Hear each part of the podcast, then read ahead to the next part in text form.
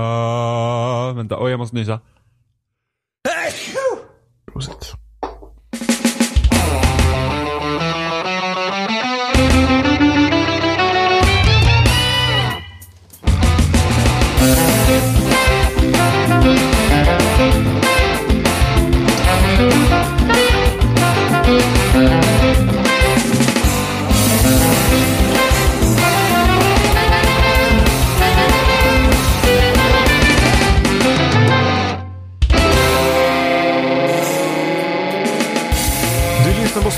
Avsnitt 204 och Roger, jag, Johan och ja, Jimmy.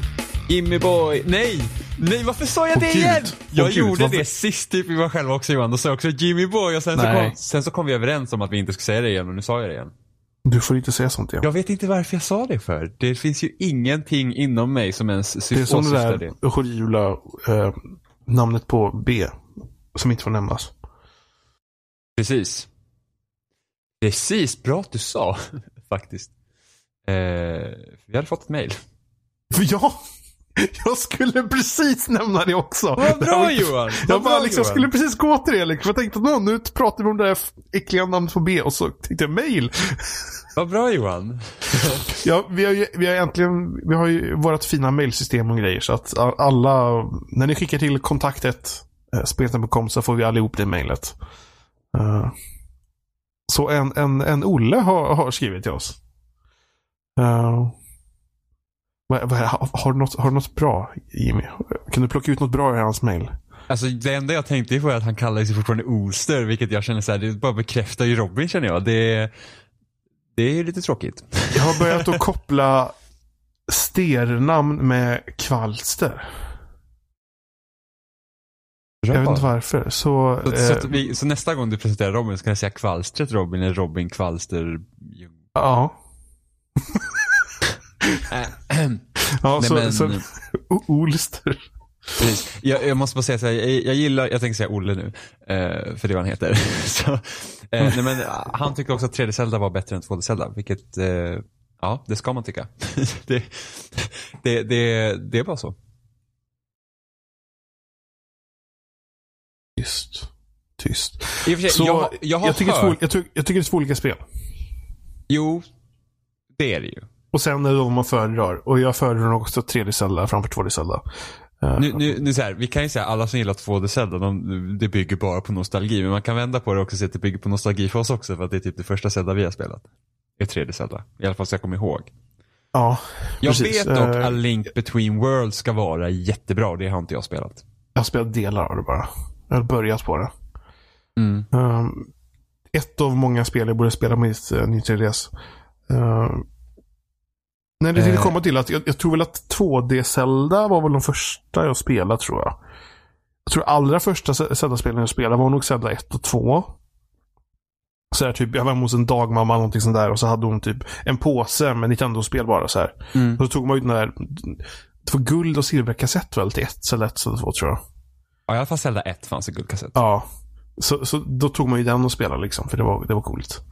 Um, Mm. Första Zelda jag spelade var Zelda 2. Och det var typ mer än att bara känna lite på kontrollen. För vi hade ett kontaktbarn eh, som brukar vara hos oss. Och han hade lånat ett Nintendo. Eh, med Zelda 2.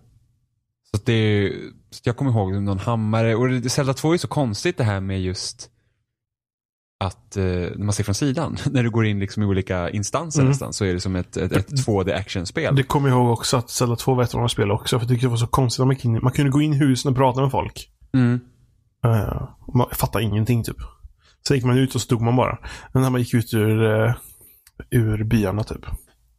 Men första riktiga minne jag har av Zelda, liksom, alltså okej, förutom det jag nyss nämnde, men liksom där jag känner liksom att jag visste inte vad Zelda var när jag spelade Zelda 2 till exempel. Eh, det var ju eh, Ocarina of Time mm, eh, på Nintendo 64. Eh, för min systers kompis var, alltså hon, hon gillar spel eh, riktigt mycket. Hon jobbar på Paradox nu. Eh, så att hon hade Ocarina of Time och jag var alltid så fascinerad över det här med tidsresandet. Det har jag alltid tyckt är så himla intressant i, i alla typ så här populärkultur. Det, det är att hålla på och manipulera med tiden.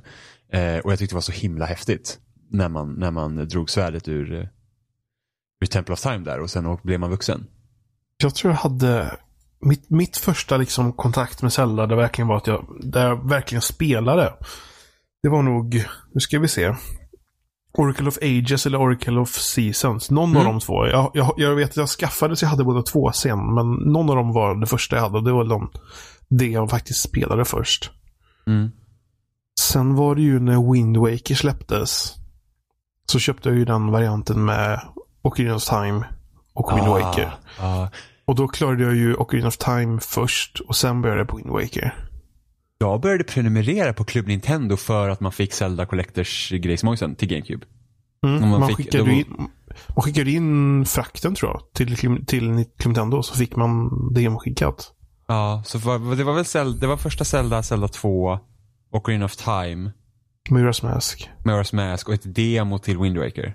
Samma demo som fanns i de här Det demostationerna. har, typ det har jag också. Det, det är tydligen värt pengar nu för tiden. Ja, det är ju det. Eh, jag har faktiskt gans, jag har några eh, GameCube-spel som faktiskt är värda eh, en Du- lite högre väl- summa. Hade du inte... um, Åh, nu glömde jag bort vad det heter bara för det. Uh, taktikspelet, eller vad heter det? Eller hade inte du det? Nej, det kanske inte... Tänker du på Oddama?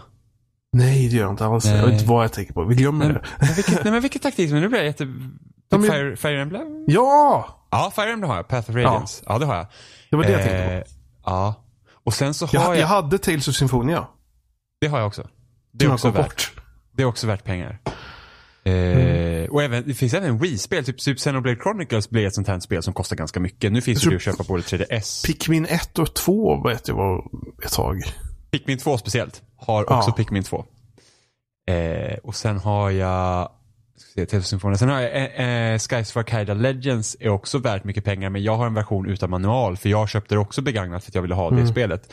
Eh, så det är inte värt lika mycket men alltså de spelen gick ju för 700-800 spänn och jag Ja. lyckades hitta ett exemplar för typ 200. Och var skitnöjd. Bara yes, äntligen. Jag har inte spelat spelet dock. Eh, Beyond Good Evil tror jag också är ett sånt spel som eh, är värt lite mera. Om jag inte har helt korrekt. Men apropå Zelda. Hur går det för ditt Breath of the Wild-spelande? Jag har faktiskt... Jag har inte spelat jätte, jätte mycket, men jag har spelat tillräckligt mycket för att klara... eh, Jag vet vad fasen heter de stora monstren nu då? Eller robotsakerna. Ja, typ Eh. de The Guardians. Mm, precis, jag är klar med Vattenguardian. Med elefanten. Ja, ja, de måste. Okej, jag tänkte på de här typ spindelliknande monster som springer runt Jaha, i nej. världen. Nej. Jag menar eh, de, de som är elaka man gör till snälla. Eller liksom. eh, Beasts någonting. Divine ja, Beasts. Divine Beast ja. Ja, just Ja. det. Precis ja. Jag är klar med elefanten. Mm. Ehm, och jag håller på nu med, eller jag är inuti eldödlan. Mm. Så du, körde, du kör också vatten, eld och vart tänker du gå sen? Jag har ingen aning. Alltså, orsaken till att jag hamnade hos vattenstället var väl att jag typ bara...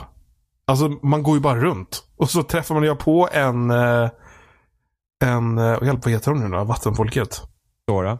En Sora som typ eh, sa att Åh, du är Hylian. Du borde prata med eh, prinsen eller någonting sånt där typ. Gå dit. Mm. Och så kom han dit. Sen eld nu då när jag gick dit, då, då gick jag faktiskt, eller då gick jag också bara runt och tänkte, jag tog en ny sån här, um, eh, vad heter de nu då? Stolparna? Eller de här som låser upp nya kartor. Ja, precis. Eh, och så märkte jag att jag höll på att dö när jag gick där. Så då pratade jag med någon och hon bara liksom, "Ja, ta, du, måste, du kan köpa lite potions som mig eller elixir så jag kunde gå i värmen och så fixade man någon eh, armor som man klarade sig i värmen och så, ja då är det väl dags att köra den där uh, Divine Beast här också då. Så det, det jag gillar verkligen, eller så här, jag har, nu har jag börjat komma in i spelet hur det fungerar. Mm. Att man verkligen ska upptäcka områden och se vad som finns där och då hittar man förmodligen någonting och så gör man saker. Mm. Eh, för man, alltså jag är fortfarande van med liksom det vanliga Zelda-systemet. Att man liksom, först är man där, så funderar man man ska gå dit, sen ska man gå dit eller någonting sånt där. Eh, men bara man börjar att i princip bara går runt. Och så man märker att ja, jag kanske behöver lite mer liv eller bättre arm eller någonting sånt där. Så går man och gör andra saker ett tag. Eller drar och samlar ihop lite resurser för att göra mat eller någonting. Jag var så orolig för det systemet innan spelet För jag var så här, jag vill inte hålla på och liksom leta efter alltså, alltså, grejer till att göra mat och sådana saker. Det, det, liksom, det orkar jag inte hålla på med.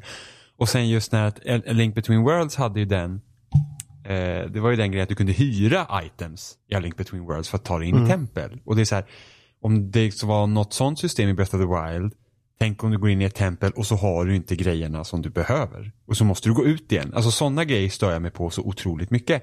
Nu var jag inte så i Breath of the Wild eftersom du... du Det, här, kan ju hända. Nej, för nej, du har ju allt du behöver. De, Nej. de, Eller ja, du kan, du kan ha saker för att faktiskt komma in, men du kan komma dit så visar sig att du har bara två pilbågar och de räcker inte för att klara bossen. Och då kan man vara tvungen att dra och eh, när man inte vet vart man får tag på pilbågar så var det, kan jag säga att det var väldigt frustrerande att eh, leta upp pilbågar. hamnar du i en sån grej att du inte hade rätt pil till bossen? Nej, Jag hade inte bara rätt, eller tillräckligt mycket. Ja, Först inte tillräckligt mycket pilar. Och sen Mm. inte tillräckligt många eh, liksom, pilbågar. Eh, för de tar Ah, slut. okej, de, tar går ju sö- sönder. Okej, okej. Ja, det förstår jag ju. Eh, Ja, och precis. nu, Då, vet då jag, jag nu vet jag ju ställen jag kan bara dra till och så döda lite ödlor och så får jag rätt så bra pilbågar. Mm. Ja, jag gick in i en shrine en gång där jag inte hade några eldpilar kvar som behövdes. Det var jättejobbigt och jag var säkert i den där shrinen typ i 40 minuter för att försöka klara mig ändå. Det hade gått snabbare för mig att gå ut på en gång och leta upp en eldpil än att, än att för mig att stanna kvar där inne. Men så lat var jag. jag bara, Tänkte jag du inte vill... på att man kan hålla fram pilen så kommer fram till en fackla och så tänds den? Det fanns ingen fackla i närheten. Nej, fy. Det var det. När var det? Jag behövde skjuta en pil på något lövgrej men det fanns inga facklor där inne. Den hade eld för att jag, jag letade och försökte och jag tänkte hur ska jag? Det var, det var jättejobbigt. det, var, det var elakt av dem. Ja, men samtidigt, det tog, alltså, i, det tog inte lång tid egentligen att gå in och ut ur den där. Men det var att jag, jag man, man blir lat. Och så, Ja. så blir det så att ofta tar det ju längre tid för att du är lat. Snarare än att du gör det effektiva på en gång. Jag funtar lite på the Wild. Jag undrar om inte det är mitt, undrar om inte det är det bästa Zeldat. Jag vill liksom inte utse det som det bästa Zeldat efter man har spelat Breath of the Wild. För jag var såhär, åh det här spelet är amazing, bla bla bla. Eh, när det är så färskt. Men nu har det ändå snart gått ett år ja, sen det släpptes. Jag har inte spelat det sen jag klarade Ganon. Eh, och mitt favoritzelda innan dess är ju Wind Waker. Jag undrar fan inte om Breath of the Wild är bättre. Funderar. Ja, så det, jag gillar... Alltså det känns ju fortfarande som Zelda. Så är det ju Mm. bara. Bara att upplägget är mer öppet. Eh, Ja. På alla sätt i princip. men sen just det så- som de lyckas så- med upptäckandet. Det är fantastiskt. Ja. Och det är värt att gå överallt. Det är ju det. Men nu nämner, det. du Wind Waker också. Då börjar man tänka på nostal nostalgiskt. Liksom. Så bara, åh, musiken, åh, miljöerna, åh, det här. Ja, Jag älskar, jag älskar ju båten. Jag älskar ju bara att kunna segla runt med den Ja. båten. Ja, nej, jag, jag vet inte. Jag, jag har nog spelat tillräckligt mycket för att våga säga att det är det, är Mm. det bästa. Um, men det är ett av de bästa. Jag tycker om det mycket mer än Skyward Sword. Det är det la jag- många det- som inte tycker om Skyward Sword. Det la jag ner väldigt fort. Alltså jag älskar Skyward Sword. Det tråkigaste är att vi pratade aldrig om Skyward Sword i podden när det släpptes. För att det var på den tiden där vi sa att vi skulle köra varannan vecka och inte gjorde det. Ja. Nej, alltså jag... Jag tror jag, jag spelade det så långt så jag kom... och gjorde något tempel eller någonting sånt där. Och jag kände bara, nej, det här, det här är inte kul. Jag orkar inte sitta och fippla med den jävla kontrollen. Och templen var rätt så tråkigt, eller vad han nu gjorde för någonting. Jag kände bara, nej. Det var en väldigt lång tutorial i Skyward Sword. Jag tror det tog tio timmar innan man liksom verkligen kom ut i spelet ordentligt. Ja, de tröttnade ju verkligen ut den. Eh, ja men det var väl lite det de hade för designfilosofi i Breath of the Wild, liksom att det inte är hållbart längre. Alltså, det, alltså du, vi kan inte hålla handen så länge på, på spelarna för att de tröttnar. Eh, och Breath of the Wild kastar ju verkligen dig in i spelet på en Mm. gång. Och Nästan, det är ändå... nästan lite för mycket. Ja, Alltså, jag förstår ja. vad du menar. Ja. Nej, bara, Eh. bara, alltså, det är skitsvårt för det är från person till person. Mm, Men, men efter man, men efter man tagit sig förbi den punkten, eller den delen, som var mindre jobbig än tutorials. Eller det, var, det var jobbigt, men det var mindre jobbigt än, än massvis med tutorials. Eh, eller den gamla typen av tutorials, om man säger så. Um, att- för, att så, för så var ju spel förr. Det var, det var ju liksom, du fick ju ingen hjälp i ett spel förr. Nej. liksom, här är spelet, nu spelar du. Du får liksom prova själv. Och det är någonting pra, som jag... Pratar de inte på att de gjorde typ en, en prototyp som såg ut som Zelda 1? Ja. Det gjorde de. De har ju verkligen gått tillbaka till det. Ja, för att verkligen så nysta upp vad var det som gjorde det här spelet speciellt. Liksom. Därför att, att förut när det liksom var så här att du fick ingen tutorial utan Och det är på gott och ont såklart. Alltså, vissa saker klarar man inte utan tutorial. Men, eh, för det känner jag, det, det, så blir ju Assassin's Creed. Det blir ju det att när man, man kör liksom Assassin's Creed 2 och då var de här systemen som fungerade. Sen hade du Brotherhood, samma system, någonting nytt. Men du måste gå igenom tutorial för allt igen. Assassin's Creed Revelations, samma system, någonting nytt, samma tutorials igen. Så det, det är liksom, och, och, och, speciellt i typ, jag kommer ihåg Revelations, det spelet var rätt kort. Så att du hade tutorial typ halva spelet igenom och sen tog det typ slut. Då har du liksom, du har spelat en tutorial. Det, det är i princip det man gjorde. Eh, så jag, jag är glad över att den här liksom Dark Souls jag, måste, jag tror nog att det, vi kan nog sätta att det, det är liksom brytpunkten när Dark Souls kommer ut och blir stort. Då är det såhär, okej. Okay, folk gillar svåra spel. Liksom, du behöver inte hålla handen det, det, det behöver inte väl vara att alla gillar svåra spel, men det finns tillräckligt många som gillar svåra spel för att det blir görbart. Ja, och sen behöver inte, sen kan du kolla på designfilosofin då bakom Dark Souls. Liksom att, okej, okay, liksom, så här gör de för att du ska lära dig spelet. Vi har inget svårt spel här, men vi kanske fortfarande kan liksom kolla på det och tänka att, ja, ah, men spelaren får upptäcka liksom själv vad man behöver göra. Eh, för att det, det, det, är jäkligt trist när man följer bara en, en mark på en karta. Hela tiden. Utan man får liksom, som, så jag, jag klarar ut Assassin's Creed eh, Origins nu i, i veckan faktiskt. Eh, och, eh, och så jag, jag är liksom surnat på det spelet ju mer och mer jag spelat det. Liksom. Alltså man tänker om man lyssnar typ första avsnittet jag spelade, eh, vad kan det ha varit, någon gång i början av december tror jag. Och jag säger wow, det här är liksom värsta nya grejen. Jag har inte varit så här exalterad över Assassin's Creed sen tvåan. Det är liksom bra. Och sen för varje vecka som har gått så bara, ja men nu är de här problemen kommit upp.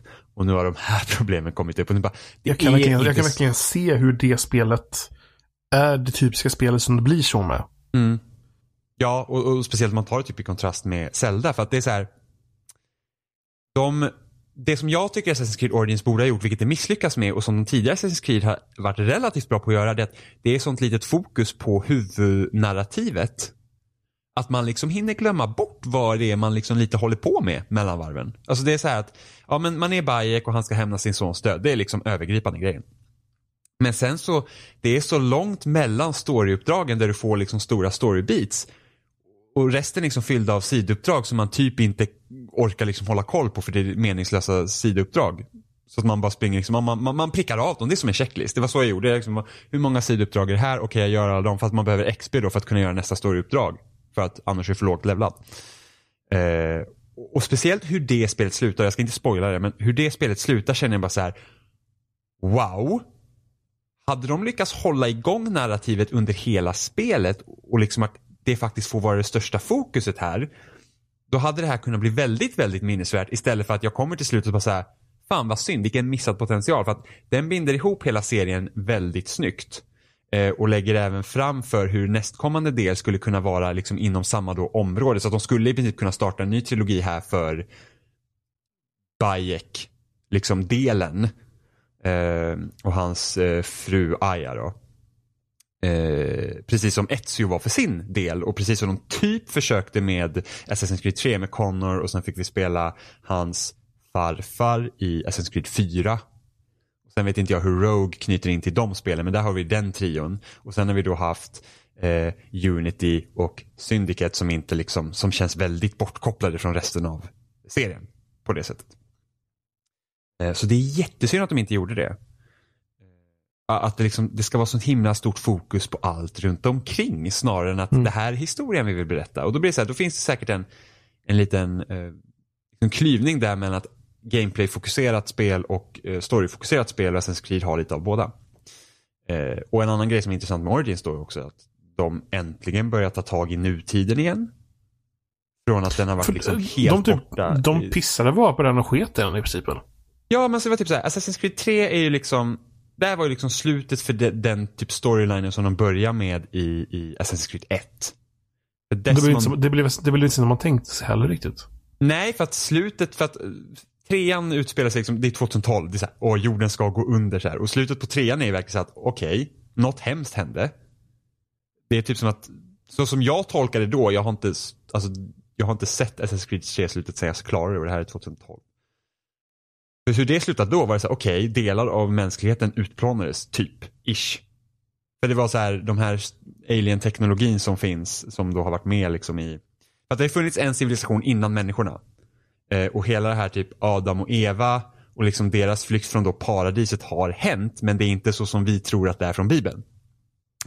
Eh, och det är också en av de här typ gudarna då som eh, har, har liksom haft någon form av kontakt med Desmond. Eh, och det händer också i slutet av Assassin's Creed 2. Då liksom pratar ju den här, jag tror hon hette Minerva, då pratar hon direkt till Desmond genom Ezio. Eh, och sen i trean tror jag, då är det typ två gudar som typ slåss mot varandra och typ den onda guden tar över. Och hennes, tror jag, ambitioner var typ att delar av mänskligheten ska dö. Och så tror man typ att det händer och sen börjar Assassin's Creed 4 och det är precis som att det inte har hänt. Eller man säger, okej okay, Desmond är död. Det, det, får man veta men liksom okay. allt annat det var liksom så här, jaha, vad hände här? Och sen slutar fyran i en cliffhanger som inte har tagits upp efter det. För det är så här typ, eh, Rackham, jag tror han heter Rackham den röde på svenska, är en, pirat, en känd pirat. Och, och, i slutet av fyran i nutiden, för då spelar man typ i första person och man var typ på något så här spel. För eh, man var på något företag som utvecklade typ spel, eller den här Animus upplevelse för typ folk säger, vill du upptäcka liksom historia genom Animus typ. Eh, och så, så kommer Rackham den röde då och kommer i nutiden. Det är exakt, han ser exakt likadan ut. Man var såhär bara, what the fuck händer här? Och det har de inte rört. Varken i Unity eller Syndicate. Så att jag är så här, aha, det släppte man bara. Eh, och sen nu i, i Origins så känns det som att man börjar en, en ny story. Det finns en ny protagonist för nutiden som inte har funnits eh, sen Assassin's Creed 3. Eh, och det binds också ihop med Desmonds storyline i slutet av Origins. Eh, så, så jag är väldigt hoppfull inför framtiden Assassin's Creed. Alltså det fick ju liksom, slutet på Origins fick mig att bli liksom så här: wow, undrar vad de tar serien här näst. Och så har inte jag men känt. Men är det inte fortfarande att grunden är samma? Är liksom... De Förstår du vad jag menar? Att du, du springer runt och gör de här sakerna om och om igen. Ja, alltså det är typ... Jo, uppdragen var väldigt snarlika. Det är typ så här, för nu har de gjort... Man tänker Metal Gear Solid 5 till exempel. Mm. Där har du liksom, hela den öppna världen känns som en stor lekplats. Och så har det, här... det är lite hemskt att du nämner det spelet alltså. Jo, men, men alltså gameplaymässigt, gameplaymässigt så är Metal Gear Solid skitbra. Här. Ja, men... Ja. Men, men jag tänker hur, de, hur, hur, eh, hur Kojima Productions byggde upp liksom den eh, den världen. Och då hade du de här, för det, det, jag tänker det kan liknas lite vid Origins. För Origins har du har den här jättestora kartan, du har vissa städer på den och sen har du de här eh, fort, eller ja, eh, läger, camps eller vad som helst med fiender. Liksom, som ett specifikt mm. område där, där liksom, går du in hit så kommer de att attackera dig. Eller du ska försöka smyga in hit. Och, liksom. och, det, och det kan man ju se också som i, i Metal Gear Solid 5. Hade du också kartan stor och där finns det också ett set av eh, camps på, på kartan där det är fiender liksom kontrollerat. Oh. Eh, och skillnaden mellan Origins och Metal Gear Solid 5 är att i Metal Gear Solid 5 så finns det typ 100 sätt att ta sig an ett fort. Beroende på vilken tid på dygnet du går in där, vilka vakter som är på vilka skift och sen har du en hel arsenal att leka med. Vilket gör att hela gameplayet är centrerat kring hur du ska ta dig an de här uppdragen. Visst, du kan gå in och running gun och ha skittråkigt om du vill, men du kan också planera eh, på, på liksom en djupare nivå här för att liksom du kan anpassa liksom spelstilen efter dig. I Origin så kan du inte göra det utan du har ett fort här och du antingen går du in och försöker smyga och döda de flesta och sen så blir du upptäckt och sen så får du slåss. Det, är liksom, det djupet i gameplayet finns inte här. Och speciellt inte när typ alla uppdrag är så här, åh, gå och rädda den här människan som är instängd i det här fortet. Eller typ, gå och döda den här personen i det här fortet. Så att hela uppdragsdesignen, istället för att du ska då skugga varenda människa som har varit i tidigare Assassin's Creed så ska du liksom in i fortet, ja, göra det du ska där inne och sen ut. Eh, och så var typ alla uppdrag och det tröttnar jag på ganska fort. Och speciellt när det inte typ, du får inte heller speciellt mycket story. Heller. Men om vi går tillbaka till Breath of the Wild. Mm. För där finns det ju också liksom flera typer av, liksom, det finns massa olika typer av, av uppdrag om man säger så. Mm. Du har ju de stora liksom main quest-uppdragen som kan vara Det kan ju vara små saker som leder upp till att du kommer åt en Divine Beast. Mm. Liksom gå och rädda den här snubben, någonting sånt där. Men sen ska det vara massa småsaker runt om som gör att du får bättre armor. Uh, och sen om du bara skiter i det. Alltså, jag typ klättrar upp på ett jättehögt berg. Och från det berget så hoppar jag ner med min sån här det, fallskärmsak eller vad den heter. Mm. Uh, och så börjar jag höra, börjar jag höra dragspelsmusik helt plötsligt. Mm. Och då, liksom mitt ute i ingenstans, precis som bredvid några stenar, så står det en papegoja och spela dragspel. Mm, mm. Det fanns ingenting där, men liksom han stod där. Och så började jag prata med honom och liksom säga bara, ah, så var det typ något vindpussel typ. Man ska spränga lite stenar och någonting sånt där. Mm. Så bara, jaha, och nu fick jag en, en shrine här jag kunde göra. Det det är så, så liksom konstigt att i ett område där man tror att här är ingenting överhuvudtaget. Det ser helt, helt tomt ut. Och så börjar man höra liksom nästan så här under molnen liksom längre ner där. Så man höra för jag tror det var, det var typ dimmigt eller någonting när jag gjorde det här. Och så Mm. hör man liksom all dragspelsmusiken och så liksom åker man mot dragspelsmusiken. Det var... Det är det, och det är det Zelda gör så bra eftersom det finns ju inga waypoints i Zelda riktigt. På det sättet. Du har, jag tror du har en markering för main questet när du har ett, liksom ett main quest. Att du ska gå dit. Ja, och du kan, Eh. eller, eller ja, du har ju waypoints för alla uppdrag tror jag nästan. Eller inte Jo, för alla. Men, är de det, som du... Jo, men Ja. du, måste ha ett uppdrag för att få någonting utmarkerat på kartan om du Ja. inte markerar ut det själv. Eh, och det är skillnaden med Assassin's Creed att där har du massa grejer. Nu är det inte lika fullt som det har varit tidigare. Alltså typ, alltså det hemskaste någonsin det var ju Assassin's Creed Unity när det knappt gick. Alltså jag hittade ofta inte markören för spelaren för att det var så fullt på kartan. Eh, men men, men i, i, i Zelda så har du ju bara markeringen för det questet du är på. Mm. Och sen så, och de markörerna som blir utöver det är de du ser ut själva. Precis. Och det, och Du har, det, de som, har ju de som sätter när du kollar i kameran som gör det. Det blir liksom på en punkt när du siktar på dem. Men sen kan du också sätta ut så små stickers. Liksom, här är ett bra ställe för vapen. Så kan du sätta dit en ikon och någonting sånt där. Så att man kan gå Ja. dit och fixa lite vapen då. och då Ja, sådär. så, så att du, du liksom upptäcker kartan själv. Medan Mm. om man tar Origins till exempel.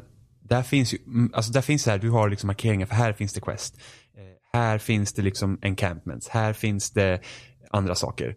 Eh, vilket gör att du styrs mot de här prickarna hela tiden så att utforskningen hamnar inte riktigt där. För att det var den här poängen jag tänkte komma till som jag glömde bort när jag pratade om hela låren Ja. bakom Assassin's Creed. För att jag, eh, när jag, efter jag klarade ut Assassin's Creed, det var så här, ja men jag vill i alla fall se hela kartan. Så att jag ska låsa upp alla mörka områden som, som, som jag inte har eh, varit i än. Mm. För att få den achievementen. Eh, och då var jag någonstans mitt ute i öknen och red på min häst och där hittade jag typ värsta så här som en, en, en typ artefakt som var lämnat från den här då alien-civilisationen som, som levde innan människorna. Och bara såhär, just det. En sån här grej var jag inne i tidigt i spelet också som en del av storyn och sen så bara lämnar de det här för att storyn puttar aldrig in dig liksom på det här spåret riktigt. Eh, och så att jag hade glömt bort det och här var jag liksom bara utforska helt random för att jag orkar inte göra en uppdrag och storyn var slut. Och då hittade jag sådana grejer. Men det är bara att spelet pushar mig ju aldrig till att utforska om inte jag aktivt väljer att nej men nu ska jag nog bara göra lite vad jag känner för. Men, men, men eftersom jag är sån här liksom att "Åh, jag måste ta mig igenom spelet och liksom då gör jag det här. Så att liksom, skillnaden är då att Zelda pushar dig till att äh, men du får fan klara dig själv. Liksom här, du kan gå på main questen men liksom allt resten av upptäckandet får du göra själv. Liksom, du kanske ser något intressant i horisonten, då får du gå dit själv. Men Assassin's Creed är verkligen så här, det är så mm, styrt av de här markörerna att jag glömde liksom helt bort utforskardelen. Och nu när jag liksom bara red runt i världen på min häst och bara så här skulle upptäcka kartan, då hittade jag massa intressanta grejer. Jag var så här, fan, hade inte jag varit så trött på spelet nu så undrar jag vad det här är för någonting. För det hade varit jätteintressant. Det, det, det är liksom, det är väl skillnaden då. Att hur, hur, liksom, hur, man, hur man arbetar med upptäckaren. För jag tror Horizon Zero Dawn hade jag nog samma problem med och det vart ju så himla tydligt eftersom det spelade jag direkt efter Zelda. Och det var så här, jag kan inte klättra vad jag vill och den här liksom, det, det är markeringar här och det här liksom pekar den ut vart jag ska hit och det, så att ja. Det Men Zelda är annan nice och det, det, vill, det vill jag spela mer Ja. Eh, Men jag gillar liksom upplägget och tack vare eh, switchet, liksom hur mjukvaran funkar när du bara typ stänger av den och sådär. Att Mm. man, man kan bara spela och sen kan man bara liksom lägga undan den. Um, enkelt att hoppa in och ut tycker jag. Mm. Um, ska Anthem komma i år? Det är tydligen sagt det. Jag tror att det blir uppskjutet. Jag tror också det. Monster Hunter World. Jag tror att de kommer vara jävligt noga med att titta över hur de kommer hantera mikrotransaktioner i det spelet. Ja, Destiny 2 skulle ju fokusera mindre på Eververse-grejerna. Jag störde mig aldrig på, på det. Alltså, det, det lilla jag spelar, men jag kan ju tänka mig för dem som, de som fortfarande aktivt spelar och det känner Ja. liksom att ah, jag får inga grejer förutom det är bara Eververse som spelar roll av det jag vill ha. Och då kan jag tänka mig att då har, då har vi ett problem. Ja. Ja, nästa år också. Ni pratade om det förra veckan så Ja. jag eh, har väl också funderingar. Eller jag vet inte vad jag har. Jag har funderingar. Det, finns, det finns spel som man har tänkt på att de kommer. Mm. Eh, eller som man fick reda på när jag nu kollade att de faktiskt kommer. Eller sagt att de ska komma nästa år. Mm. Uh, men som du nämnde till mig så är det ju inte mycket datum satta överhuvudtaget. Det är massvis med bara 2018. Ja. Ser jag nu. Så att antingen kommer vi komma in i ett år där man känner såhär, gud vad spännande, vi vet ingenting. Eller så kommer det bli så här, det här spelet var, det här året var sådär då för att det var, det var inget speciellt. Jag tänker det blir nu att eh, massvis av spel har sagt att, komma, eller sagt att de ska komma 2018. Och sen är det bara liksom, nej, det här kommer 2019 istället. Mm. Och, men, men i alla fall, Sea of Thieves har ju jag spelat. Ja. Eh, jag spelade ju alfan. Men Man det, får ju typ inte prata om den fast jag tror inte det spelar Nej. roll nu. den, den betan som ska komma nu. Ja, Som 24. man kunde, som man den kunde får man prata den om. får man prata om. Ja, Så men jag tror inte någon fara med att prata om det här heller för det är ingen som kommer hitta det här. Så... Babam. Ja. Nej, men i alla fall. Nej, men jag har spelat det och det var kul. Kan man väl säga. Det var kul TM. Ja. Det var kul att spela med random, så det var kul att spela själv. Mm. Mm. Och det kommer bli ännu roligare att spela med faktiska kompisar. Kommer det vara crossplay mellan PC och Xbox One? Ja, Skoj! Då kan, du, då kan vi spela ju. precis. Skoj, ja det är roligt. Eh, Det är ju på samma sätt som en crossplay mellan Forza Horizon 3. Så där är jag och Robin spelat med varandra till exempel. Jag hade fan ingen Hoppa inte du in en gång med mig tror jag? I Horizon 3 och jag blev så himla förvånad. Gjorde jag? Ja, det är jättelänge sedan. Jag, jag har ingen aning. Men ja. Nej, men det, det, så det, det ser jag fram emot. Det skulle komma i mars. Mm, 24 mars tror jag. Ja, så det, det kommer bli kul. Det ryktas ju att Horizon 4 ska utspela sig i Japan. Fan, jag hoppas att jag tycker det borde komma typ Skandinavien. Ja, men jag vill, ha, jag vill ha Norge. Jag var så här. Ja, Norge. men alltså ja, Skandinavien så att liksom, det behöver inte vara, ja det kan ju stå Norge, men det kan ju se ut som Ja, liksom Sverige, det- Norge, Finland-aktigt. Precis, för att jag är så här, ett, jag vill köra typ i Snöaberg och jag vill typ köra grusrally så här, i Värmlands skogar. Men också tänker Norge så här, att köra bil där längs fjordarna. Ja, de har alltså, de har gjort bra, eh, om man tänker Schweizbanorna i motorsportspelen. Mm. De hade väl det i, var det Motorsport 3? Nej, 4.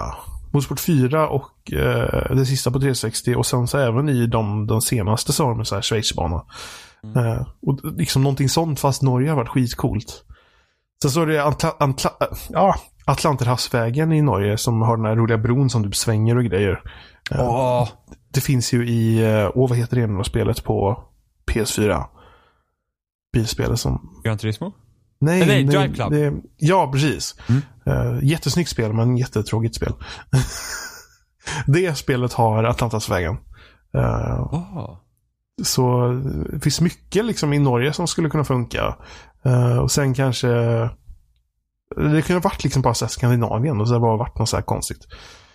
Men jag Men- känner också det, liksom, vad, vad, vad, vad är de rädda för här uppe? Var, varför finns det mer spel? Alltså det är typ också, Ja. jag känner att ibland tycker jag det är tråkigt att DICE inte har gjort en bana eh, i Battlefield som är liksom svensk. Ja, Why not? Gotland. Även fast eh, i, eh, i, eh, i Battlefield 3, 4, nej 3, 3 är det. Vilken är det? Det är den typ franska stadsbanan som har typ en LAV på sig också. Där har du faktiskt broarna över på, tror jag, andra fasen är tagna från Uppsala. Huh. Det ser Ja, exakt... det, det fick jag fram när jag googlade nu. Ah, Det var bara en bild från Uppsala. jag antar att den bilden är från typ loading va? Fullt möjligt. tror det, för jag, jag tror det är därifrån jag Men... ehm, snappar upp det. Så, det- så det, det finns, men alltså jag hade gärna... Åh, det var Så- något bilspel som hade Stockholm som man kunde köra runt i. Det var typ Project Gotham Racing 2. Ja, just det. Men sen så... Okej, Japan är ju bra. Tycker jag. Mm, Eller så jag här, håller bra, bra, val. För att det finns jättemycket olika ehm, Biomer. ja, klimat. Ja. I eh, Japan. Det finns liksom havsklimat som är typ som för oss, för oss i Norden. Ehm, väldigt likt. Och det finns... Snögaberg. Ja, och det finns varmare liksom områden och sådär. Så det är... jättekul val. Ja, så jag kan Eh, tänka mig att det kan utspela sig typ på våren för då har du också så här Cherry Tree Blossom. Ja, Eh, och så, att- och så kan man åka runt och hitta eh, fina japanska bilar och grejer. Eh, det, För det älskade jag i första Horizon. Det var eh, på den kartan, för det var ju hösttema i det spelet. Det. Och då fanns det liksom en, en ganska lång rak, ja, en raksträcka typ, ish.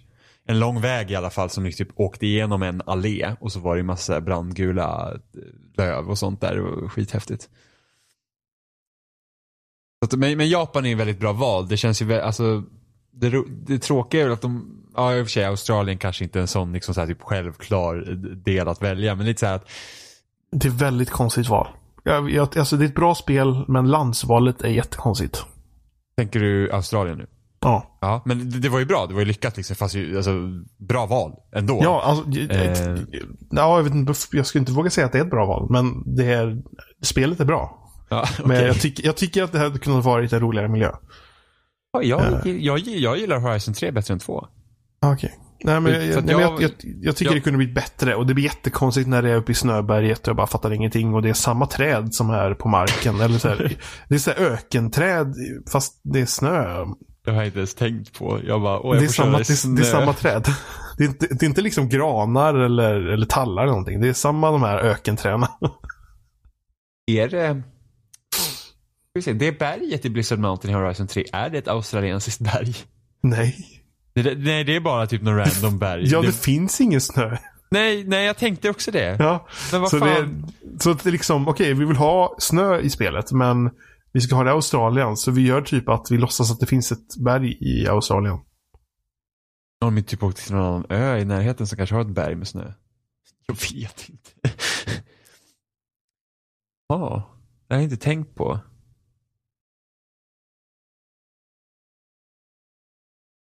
Har du spelat mycket Blizzard Mountain? Eller kanske finns, det kanske finns i berg i Australien nu för det. Jag har ingen aning, jag kan ingenting om Australien. Det kanske gör det. Jag tror jag får skämmas lite nu att det faktiskt finns Mm. det.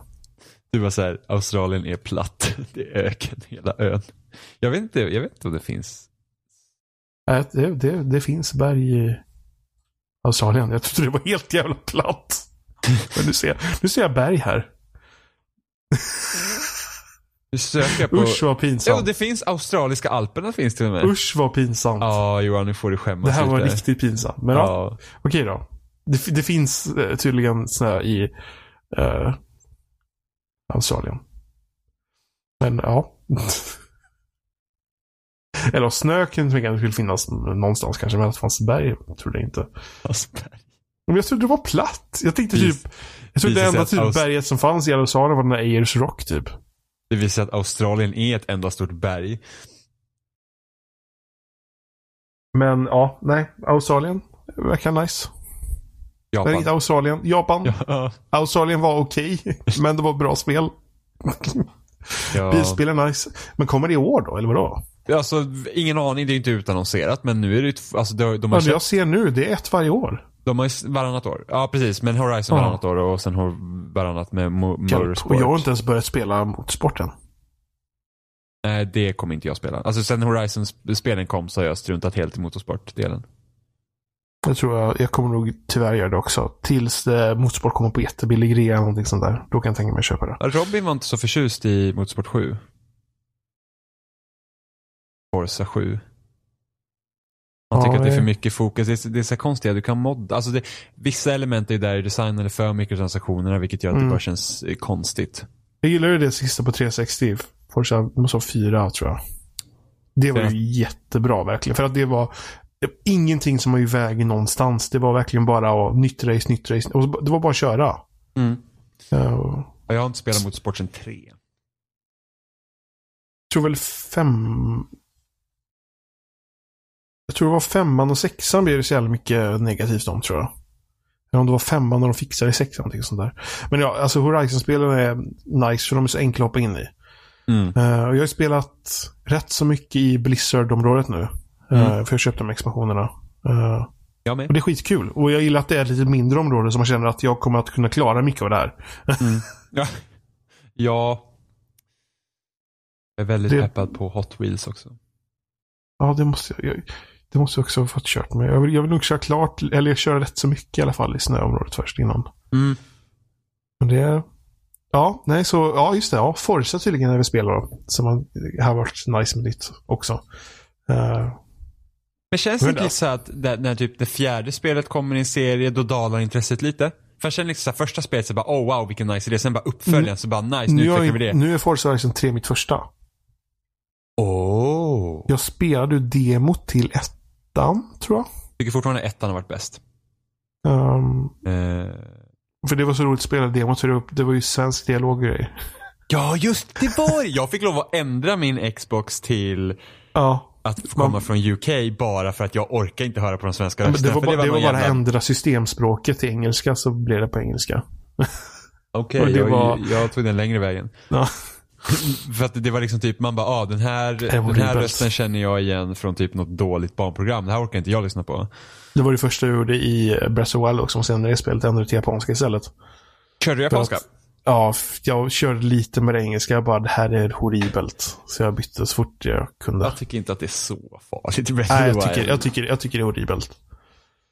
Uh, nu, nu, kan det vara så att, att på det sättet som jag tycker att rösten är konstiga där tycker kanske japaner att japanska rösten är. Uh, men för mig funkar de japanska bättre. Uh, men ja. ja. ja, Sea of Thieves, Forza då, om det nu kommer, fast det är utannonserat. skulle vara nice. Redemption säger de ska komma nästa år. I år? Ja, i år. Ja, du ska komma våren till och med. Ja, nej, det tror inte jag på. Det tror alltså, jag på. Jag såg, det läckte väl något så här release date, var ju typ i början av juni tror jag. Eh, jag har också hört folk säga september. Så att eh, vi får se. Det känns jättekonstigt liksom att det skulle komma typ i maj ja. och vi har inte hört något datum. Det känns liksom inte Och ska man strö ännu mer salt i mina Metal Gear Solid 5 sår. Som jag, alltså jag tänker fortfarande på spelet minst en gång i veckan i alla fall. Så är det Metal Gear Survive ska komma tydligen ja. Åh ja. gud.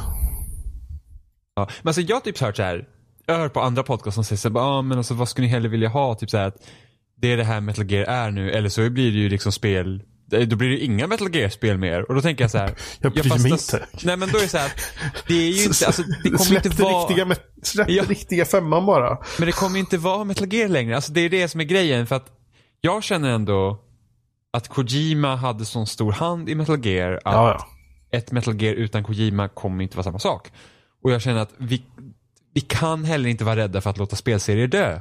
Alltså jag, tycker, jag känner att och det, det, tycker jag är ganska tråkigt med liksom industrin i stort och speciellt liksom man tänker amerikansk spelmedia är det att man är så fokuserad på uppföljare. Alltså Cuphead hade varit ute en vecka och sen börjar man redan prata om ah, vad ska jag göra nästa? Kanske vi får ett Cuphead 2? Och man bara men varför ska de göra Cuphead 2? Skulle det inte vara kul att se dem göra något annat än Cuphead?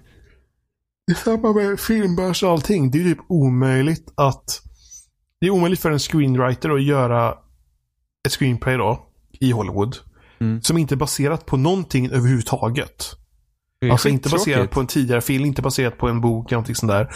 Och sen få ut det och att det blir en film. Det är typ helt omöjligt. Allting ska vara baserat på någonting tidigare. Och det där, blir väl där, antagligen så med spel också lite. Där är det roligare med tv då ju. För att där är det mycket original grejer. Eh, HBO ja, har ju dock så att deras så här, timmeslånga shower, de måste vara baserade på ett, på ett tidigare IP. Medan deras halvtimme shower kan vara nya. Så det är därför typ Girls är en halvtimme långt medan ja, typ Game of Thrones är en Silicon, timme. Silicon Valley också. Mm. Så att... Ja, nej, men det, så det är lite tråkigt. Men ja, 2018 ska det bli intressant att se ifall de, alla de spelen som tydligen ska komma i år faktiskt kommer i år. För det är mycket. God of War också, Anthem som skulle komma i år är väl intressant. Alltså Anthem är mest intressant för att det är Bioware. Jag tycker bara att det, det vi såg på E3 på Anthem, alltså det har också hört många, de bara det såg helt amazing ut. Man säger, ja, alltså det såg tekniskt snyggt ut men det såg ju inte roligt ut. de bara flög runt och så sköt lite på saker. Ja, det enda jag ser är en open world-struktur som, som alla andra open world-spel. Det är men liksom alltså, det är väl definitionen av vissa tycker det är kul. Att man kan flyga runt och skjuta lite. Det är så tråkigt för oss med bra smak. Jag bara, nej det är inte kul. Jag förväntar mig mer. Ja. Det, det, det bästa är väl då att eftersom det är Bioware så lär de ju satsa på narrativet i alla fall. Så att, så att det inte blir typ Destiny liksom. Att vi får kanske något som kan vara spännande. Och nu är det ju samma team som har liksom utvecklat Mass Effect. Alltså det är ju det är ju liksom Bioware proper som utvecklar Anthem. Så man, man kan ju hoppas.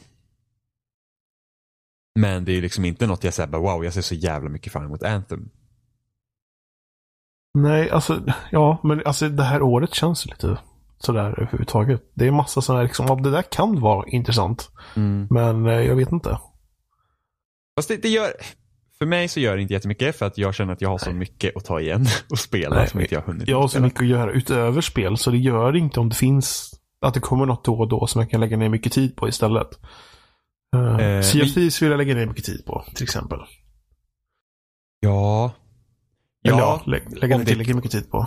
ja, precis. Det, det vill man ju spela mycket. Eh, sen, men nu kommer ju till exempel, nu, nu kommer det redan två större spel nu i januari. Det är Monster Hunter World kommer. Eh, och det är ju så här, det är en riktig tidslucka. Jag vet inte om jag kommer köpa det för att det beror på hur co-op-delen är i det spelet. Eh, jag hade Monster Hunter 3 till Wii. Och det kändes så, alltså det, det är så stort omfång på de spelen att jag liksom jag låste mig helt ut ur det spelet. Jag, så här, jag, jag, jag, jag vet inte hur jag ska ens angripa det här spelet. Så jag, jag spelar inte vidare. Det var för stort. Eh, Och sen så kommer det här eh, nya Dragon Ball-spelet. Som eh, har haft en öppen beta nu. Som jag har testat. Eh, och det, och jag, alltså här, jag älskar Dragon Ball. Alltså jag, min mail som jag använder eh, mest har Dragon Ball i sig. För det är, typ- den gjorde jag när jag typ var 12. Men det var Dragon, eller ett fightingspel eller vad? Ja, Dragon Ball Fighting-spel, precis. Är det Fighter Z? Yes. Kanske borde han hämta när jag sa vilket spel det var.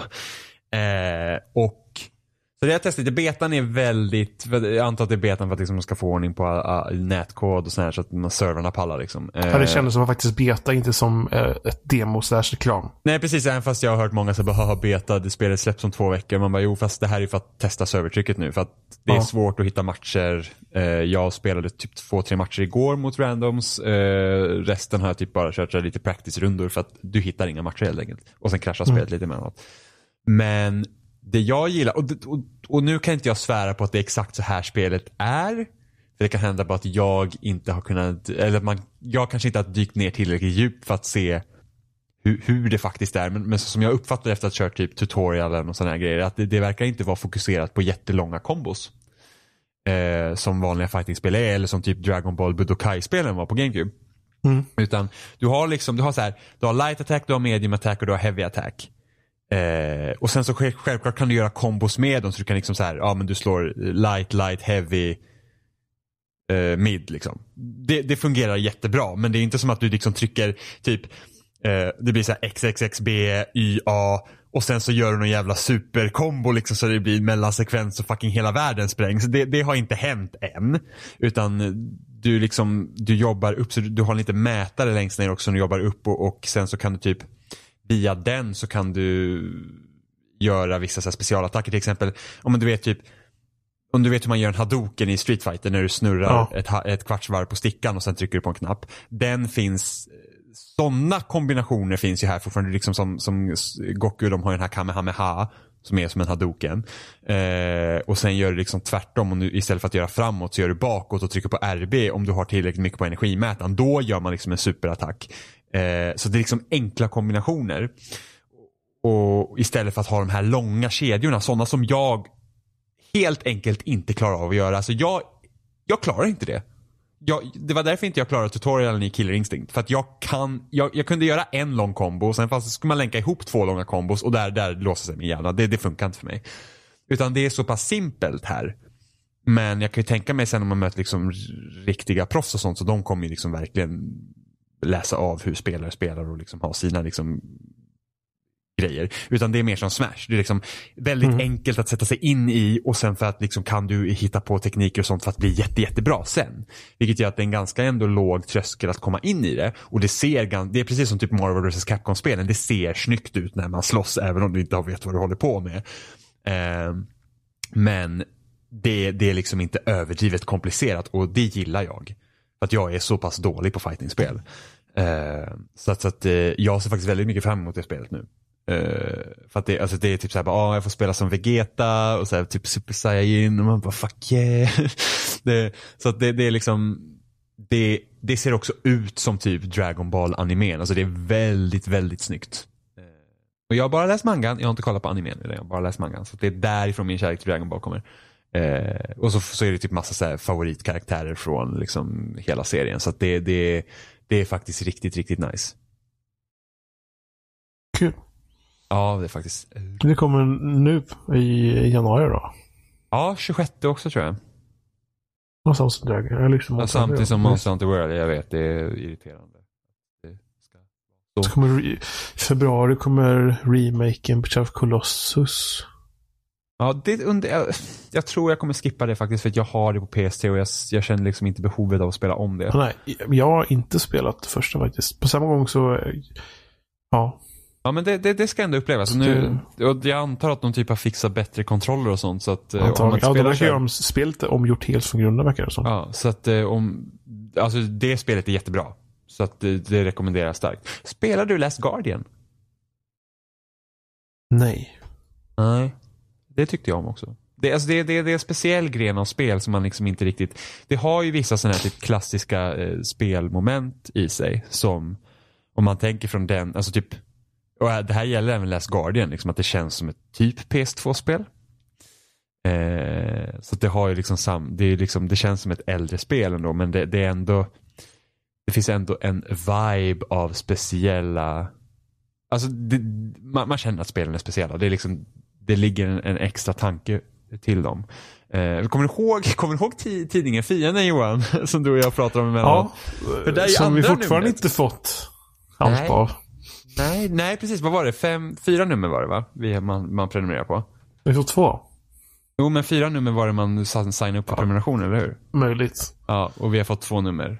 Eh, och i, i väldigt tråkigt att, att, att det liksom inte tog fart. För att den tidningen, alltså det är den bästa speltidningen jag läst. Men det sålde ju slut allting. Ja, ja, ja. Jag vet inte hur, många, hur mycket de gjorde. Hur många upplagor de nej, gjorde. Nej, men alltså det är jättekonstigt att de inte bara säger vad som händer. Att ja, liksom, alltså, ja, det blir inget mer. Ja, liksom... precis. Det, det, hade man kunnat sagt, liksom, att det blir inget mer. De hoppas vi att folk ska glömma bort. Men jag, keeping the torch alive, jag, stå, jag står upp för fienden. Det är folk som går in på hem, alltså hemsidan finns ju kvar. Det är fascinerande. Där ligger ju puttrar. Uh... alltså, ja, man vet inte. Vi kanske borde mejla och fråga igen Johan. Ja, jag har ju mejlat Hej, nu, nu är det två år sedan jag mejlade sist och ni sa att det var på G. Hur går det? Ja. för att, men, men så här, jag är inte sur över att jag har köpte en prenumeration för fyra Nej, nummer och har fått det är så länge, det är så länge sedan nu. Men det är jag... jättelänge sedan, men samtidigt också att det är fan de två jävla bästa speltidningar jag någonsin ja. haft. Alltså de är... Jag, jag, alltså... Men jag vill ha mer. Ja, precis. Det är det. Alltså, alltså om ni... Gå in på fiendens sida. Jag tror du kan till och med ladda ner hela första eh, numret som pdf. Eller att alla artiklar båda från första numret. Alla går, båda ettan och tvåan går att ladda ner. Ja, Ladda ner dem och läs dem och sen kan ni tacka oss efter det för att helvete vad intressanta artiklar det är. Tidskriften eh, Fi. Ja, och då... Tidskriften.fi. Och då fanns det i nummer två, då fanns det en intervju med Fumito Ueda. Eh, liksom det här med att, hej han kallas inte konstnär, men de försöker på något sätt ändå ta konstbegreppet till hans spel. Liksom att okej, okay, men de tittar liksom, det här är hans bakgrund. Varför ser han inte spel som konst? Det var en jätteintressant vinkel och liksom på, på, på en sån artikel. Så att eh, rekommenderas starkt. Och är man, och bara överlag, alltså är, är, är du mer intresserad av spelen att hej det är kul eh, så, så rekommenderar jag att man läser de två tidningarna. Eh, för att det, det, är liksom, det är bara så bra.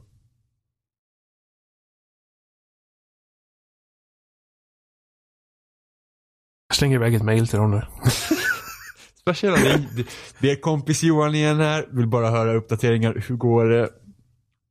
Eh, så att, nej men det, det är Carl Johan Johansson tror jag skriver det. Johan Martinsson. Alfred. Vad heter han? Alfred eh, Holmgren. Holmgren ja.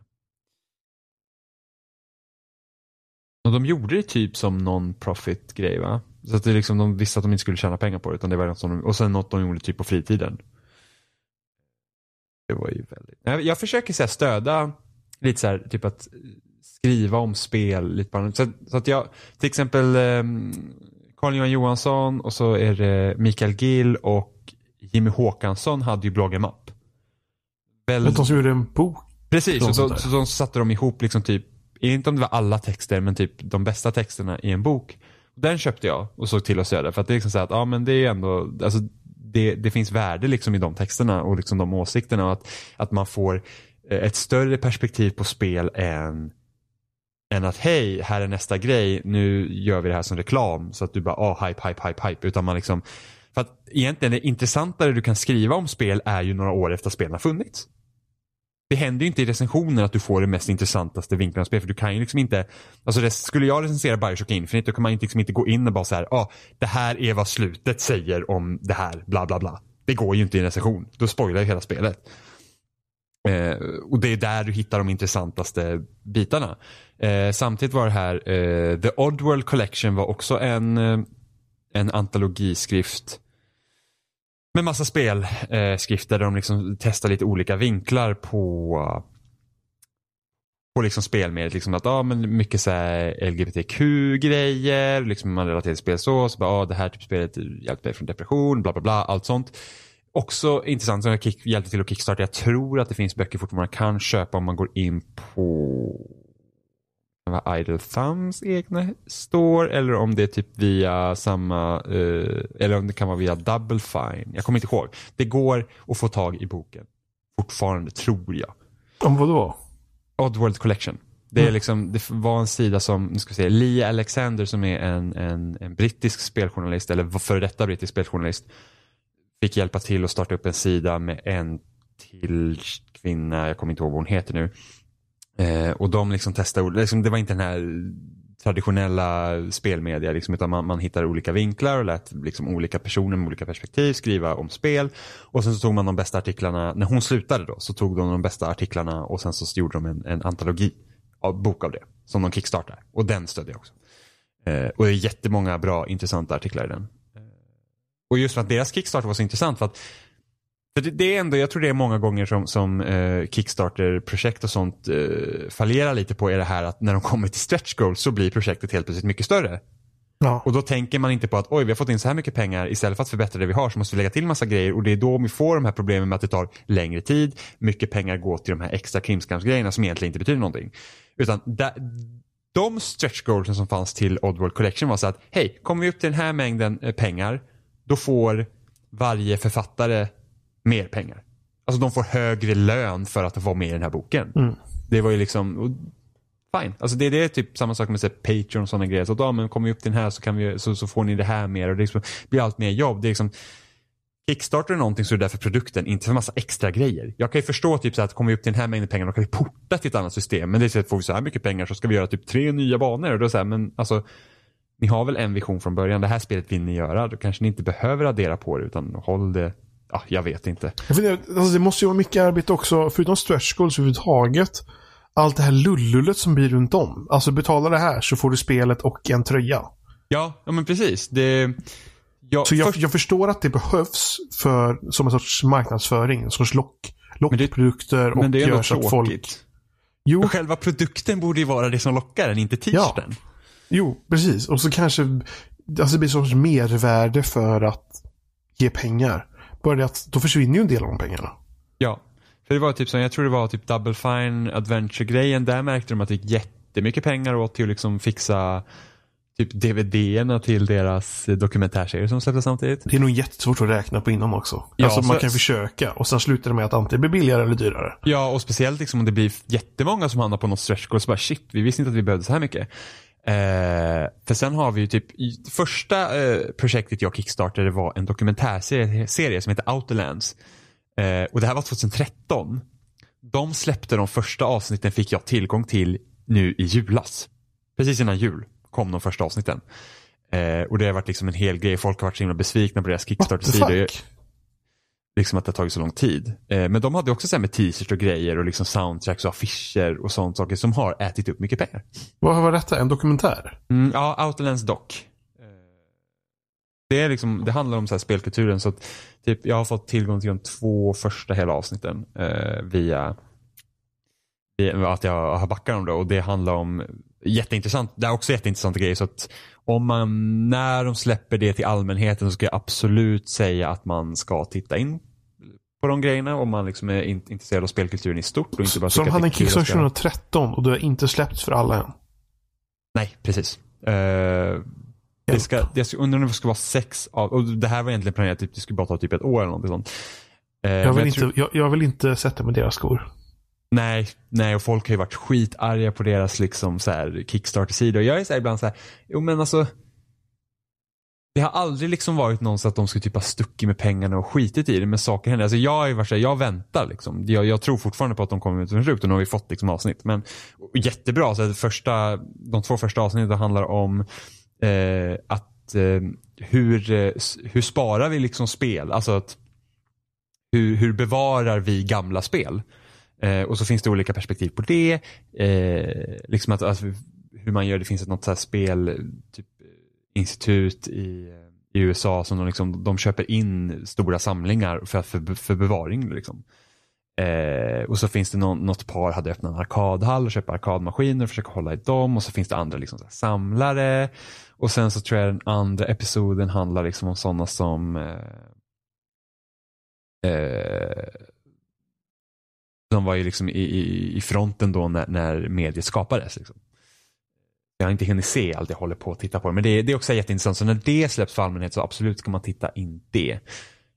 Och det är, lite, det är lite synd ändå att de liksom var ganska tidigare här med dokumentär, liksom att de kickstartar sitt. För sen har du till exempel Noclip som har en Patreon och liksom har hållit på nu i över ett år lite, lite drygt. Och liksom kom ut med ganska många liksom, eh, eh, olika små minidokumentärer om spel.